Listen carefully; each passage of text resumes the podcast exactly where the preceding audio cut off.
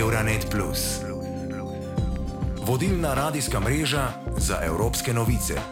Evropska zelena pravila so v zadnjih letih postala zelo jasna. Uresničitev podnebnega cilja Evropske unije glede zmanjšanja emisij za vsaj 55 odstotkov do leta 2030 je postala pravno obvezna. Države članice pripravljajo zakonodajo, da bi uresničile ta cilj in dosegle podnebno neutralnost do leta 2050 kot prva celina. Toda preobrazba mora biti pravična, vključujoča za vse državljanke in državljane unije. Na prvem mestu morajo biti ljudje, ki so seveda v najbolj ranljivem položaju. Tudi pri nas je konkreten načrt pripravljen za zeleni prehod Slovenije. Kaj lahko naredi vsak od nas, kje se začne sprememba miselnosti? K bolj trajnostnim vedenjem hrana se je v zadnjih letih zelo podražila, seveda tudi ostale nujne življenjske potrebščine. Če želimo čim lažje prebroditi uh, draginjo, je potrebno seveda iskati rešitve pri posamezniku, tudi znotraj družine in pa seveda v skupnosti. In z menoj sta tudi dva sogovornika Slovenske fundacije za trajnostni razvoj Umanotera. Gaja Brecelj, direktorica, ki se ukvarja seveda tudi s podnebnimi spremembami in trajnostnimi dogodki. Lepo zdrav, dober dan. Lepo zdrav. In pa dr. Jonas Zonančajn, vodja projektov in strokovnjak, ki se ukvarja z zeleno proračunsko reformo, okoljsko ekonomijo. Lepo zdrav, dober dan. Lepo zdrav. Morda prvo vprašanje, ko smo že govorili o teh razvadah, navadah, kako se jih lotiti, da bodo v skladu z zeleno zavezo. Ja, ko govorimo v bistvu o, o teh področjih, ki so lahko bolj ali manj pač podnebno, bolj ali manj vplivajo na podnebne spremembe, v bistvu govorimo o vseh področjih človekovega življenja. Se pravi, kako se premikamo, kako se ogrevamo, kako porabljamo električno energijo, kaj jemo. Ne, to so v bistvu, če se tako z mislimi gremo čez naš vsak dan, potem v bistvu so to vsa področja našega življenja. Skratka, tako le na hitro grem mal čez, ampak kar bi rada povedala, ne, da v bistvu gre za neko pač celovito preobrazbo. Vi ste omenjali izraz preobrazba. Ne?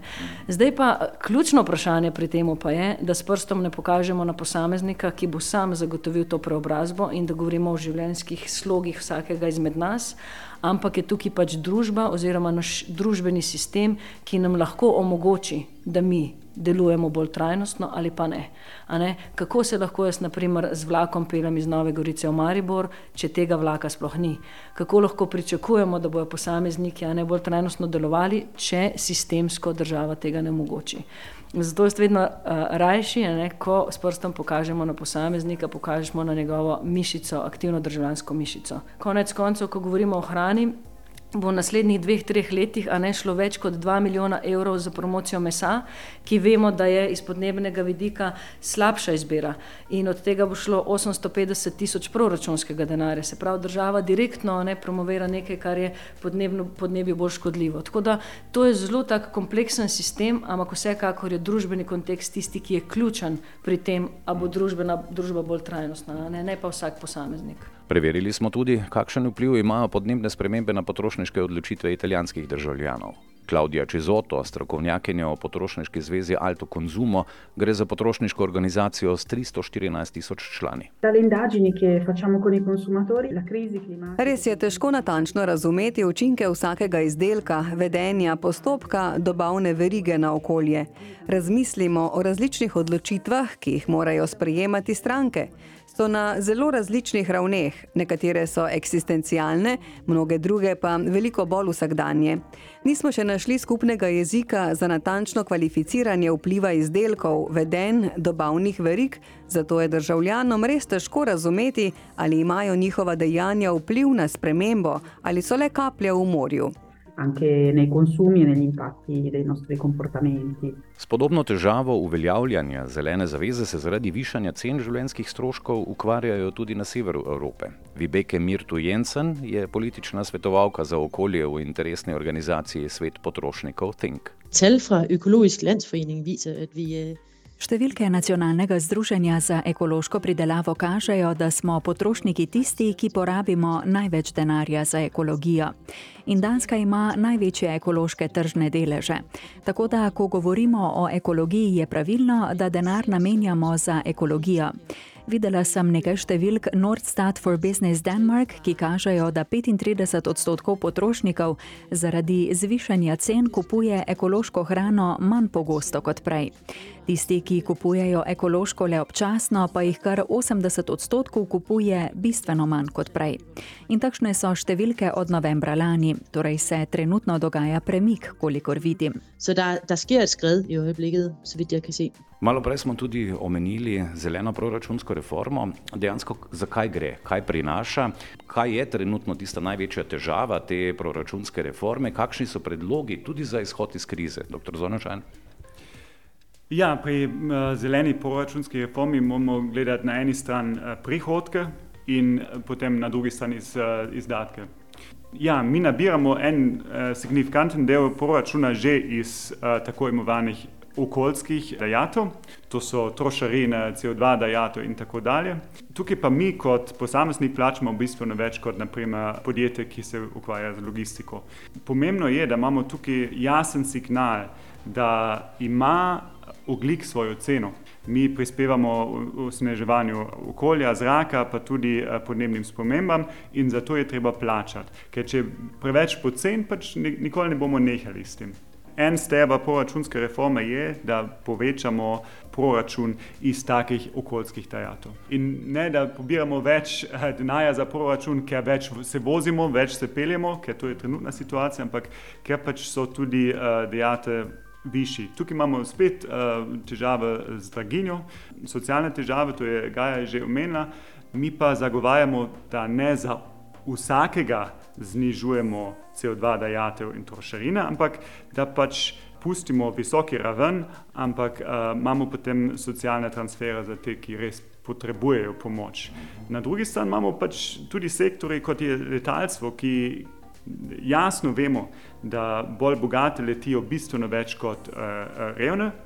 In um, tukaj subvencioniramo. Ni dajato na DDV, uh, ni na kerozin, trošarin, um, tukaj uh, zdaj damo uh, za boljšo povezljivost, uh, ne vem, spet 5-6 milijon evrov iz proračuna in to v bistvu je subvencija za, za bogate, to je regresivna politika. Tako da tukaj je prostor, da imamo več okoljskih dejatov in da je tudi fair. Morda konkretno, ker ste omenjali, promet predstavlja velik oblični odtis v Evropski uniji, ali je težko zmanjšati recimo število potovanj z letalom v prostem času in uporabiti alternativne možnosti prevoza, so na voljo, imamo izbiro? Uh, izbira je ome, omejena in čisto odvisno, kam potujemo. To si moramo zavedati. Samo dokler je letalstvo umetno poceno, bistveno več potujemo, kot je doba za okolje. In kot sem prej rekel, to v bistvu plačujemo vsi. Tako da alternative so za, za kratke razdalje, seveda uh, uh, vlak, za take srednje razdalje. Jaz tudi potujem z vlakom na Švedsko, ampak sem mogoče malo čudak tukaj. Um, ampak se da. Tudi je pomembno, da, da ne mislimo, da je potreba, da vsako leto večkrat za vikend letimo v Barcelono in London, da je to nekaj luksus. In potem cenimo mogoče tak, tako vrsto potovanja tudi več in uh, imamo več užit, užitka iz tega. Mogoče gremo samo enkrat na leto ali pa enkrat vsak drugo leto za daljšo obdobje. To ne pomeni, da se ne da več potovati in da se ne da več uživati v drugi kulturi, ampak da pač na drug način potujemo. Kako se sicer turizem odziva na trajnostno prihodnost? Kako uporabniki turističnih storitev na dopustih smo bolj sproščeni in ne razmišljamo veliko o zelenem, o zelenem prehodu? Ja, tukaj ste v bistvu iz dveh vidikov lahko pogledamo na to zgodbo. Eno je, da je turizem zelo pomemben gospodarski sektor in kot tak lahko močno potisne v netrajnostno smer, ali pa tudi obratno, ne? lahko je pa gonilna sila zelenega prehoda. Ko smo pa na drugi strani turisti, ne, je pa to vse skupaj na nek način pomešano z idejo, da če govorimo o bolj trajnostnem življenjskem slogu, da gre za neko odpovedovanje. Uh, sama bi rekla, uh, da absolutno ne. Uh, absolutno um, gre, ne gre za odpovedovanje nečemu, kar ne bi mi pripadalo, ampak v bistvu gre za mogoče malo bolj drugačen življenjski slog, ki konec koncev precej več prostora pušča za ne vem, neko pristno doživetje, za pristne odnose. Skratka, manjša slab o tem, da rabimo vedno več in da vedno več kupujemo, nam na drugi strani pusti prostor za kaj bolj um, res, kako bi rekla, smiselnega ne, za naše življenje. Mogoče so to neki kratki fiksi oziroma fiksi na kratek rok in pri turizmu se to še kako pozna, kot ste rekli. Zdaj pa a, turizem po svetu je že zelo močno prepoznal, da je popraševanje po bolj zelenih turističnih produktih vedno večje med, med turisti. Tudi Slovenija deluje na tem ja. področju z zelenim turizmom. Tako, Slovenija se v bistvu uh, promovira kot zelena turistična destinacija. Se pa ve, ne, mislim, dost jasno pa je, da z našimi zelenimi produkti tukaj zaostajamo, oziroma promocija je precej večja o zeleni turistični destinaciji, kot ji v resnici ponudba na terenu sledi. Um, je jasno, da bojo mogli biti veliki koraki naprej. Je pa res, da imamo odlične pogoje za to. Samo je pa ena taka ključna stvar, ki pa mislim, da še ni prišla v glave tistih, ki promovirajo našo turistično zeleno destinacijo, je, da jasno to pomeni, da moramo nas naslavljati bližne trge, ne pa trgov, ki prihajajo iz drugih koncev sveta in jasno bojo vsi prileteli. To so tisti kratkoročni turisti, ki pridejo za par dni sem in priletijo z drugega konca sveta. To okoljsko ni vzdržno. Ne? In tudi mislim, da naše lepote tudi najbolj cenijo gosti iz uh, bližnjih držav, ker to so bili tudi razlogi, zakaj so kako bi rekla, zgodovinsko najbolj prihajali k nam. Se pravi, ohranjena narava, veliko gozda, proste reke, še tiste, ki so ne tekoče in tako naprej. Tu smo tudi pri gospodarstvu. Kako v gospodarstvu, v podjetjih izoblikovati to zeleno miselnost? Ja, jaz mislim, da vsi, tako kot v turizmu, govorijo o zelenih temah. Um, tukaj je zelo pomembno, da ne, najdemo način, da tudi podjetje se ne grejo greenwashinga ne, ali pa ekofabanja. Tukaj veliko krat so besede več kot je dejanja. Jaz pridem spet iz tega backgrounda zelena proračunska reforma. Trenutno je zelo veliko denarja na voljo za zelene teme, tudi v industriji. Če pa potem gledamo razpise, to je komi več kot business as usual. Ne? Tukaj gre za 10 odstotno povečanje energetske učinkovitosti, osnovne učinkovitosti in, in to podjetje itak že počnejo. Kaj pa rabimo za zeleni prehod, za uh, neutralnost, oglično neutralnost do uh, sredine stoletja, je bistvena sprememba industrije. Čist nove tehnologije, nove procese, in tako dalje. In tukaj ta mišljenost še ni tukaj, da v bistvu sredina stoletja je zdaj. Za velike stroje je to še ena investicija do sredine stoletja. Tukaj ni več prostora za, za manevr, manevrskega prostora. Tako da mislim, tako daleč industrija in, in biznis še ni. Veliko zelenih besed, ampak ko gre za konkretno bistveno dejanje, je, je še zaostanek precej. Mhm. Kako tlakovati to pot? Je zakonodaja, politika tista, ki se morda zaradi volilnega telesa potem nagiba na eno stran ali pa na drugo ali pa morda na nezeleno? Absolutno. Um, tukaj um, mislim, imamo zdaj eh, zelo močne primere, že na evropski ravni do 20.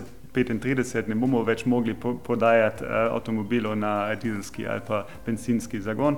Imamo uh, primer Eco Design Directive, ki je že prepovedoval uh, uporabo navadnih uh, žarnic, zdaj imamo samo še letke. Uh, to so take regulacije, ki, ki res funkcionirajo.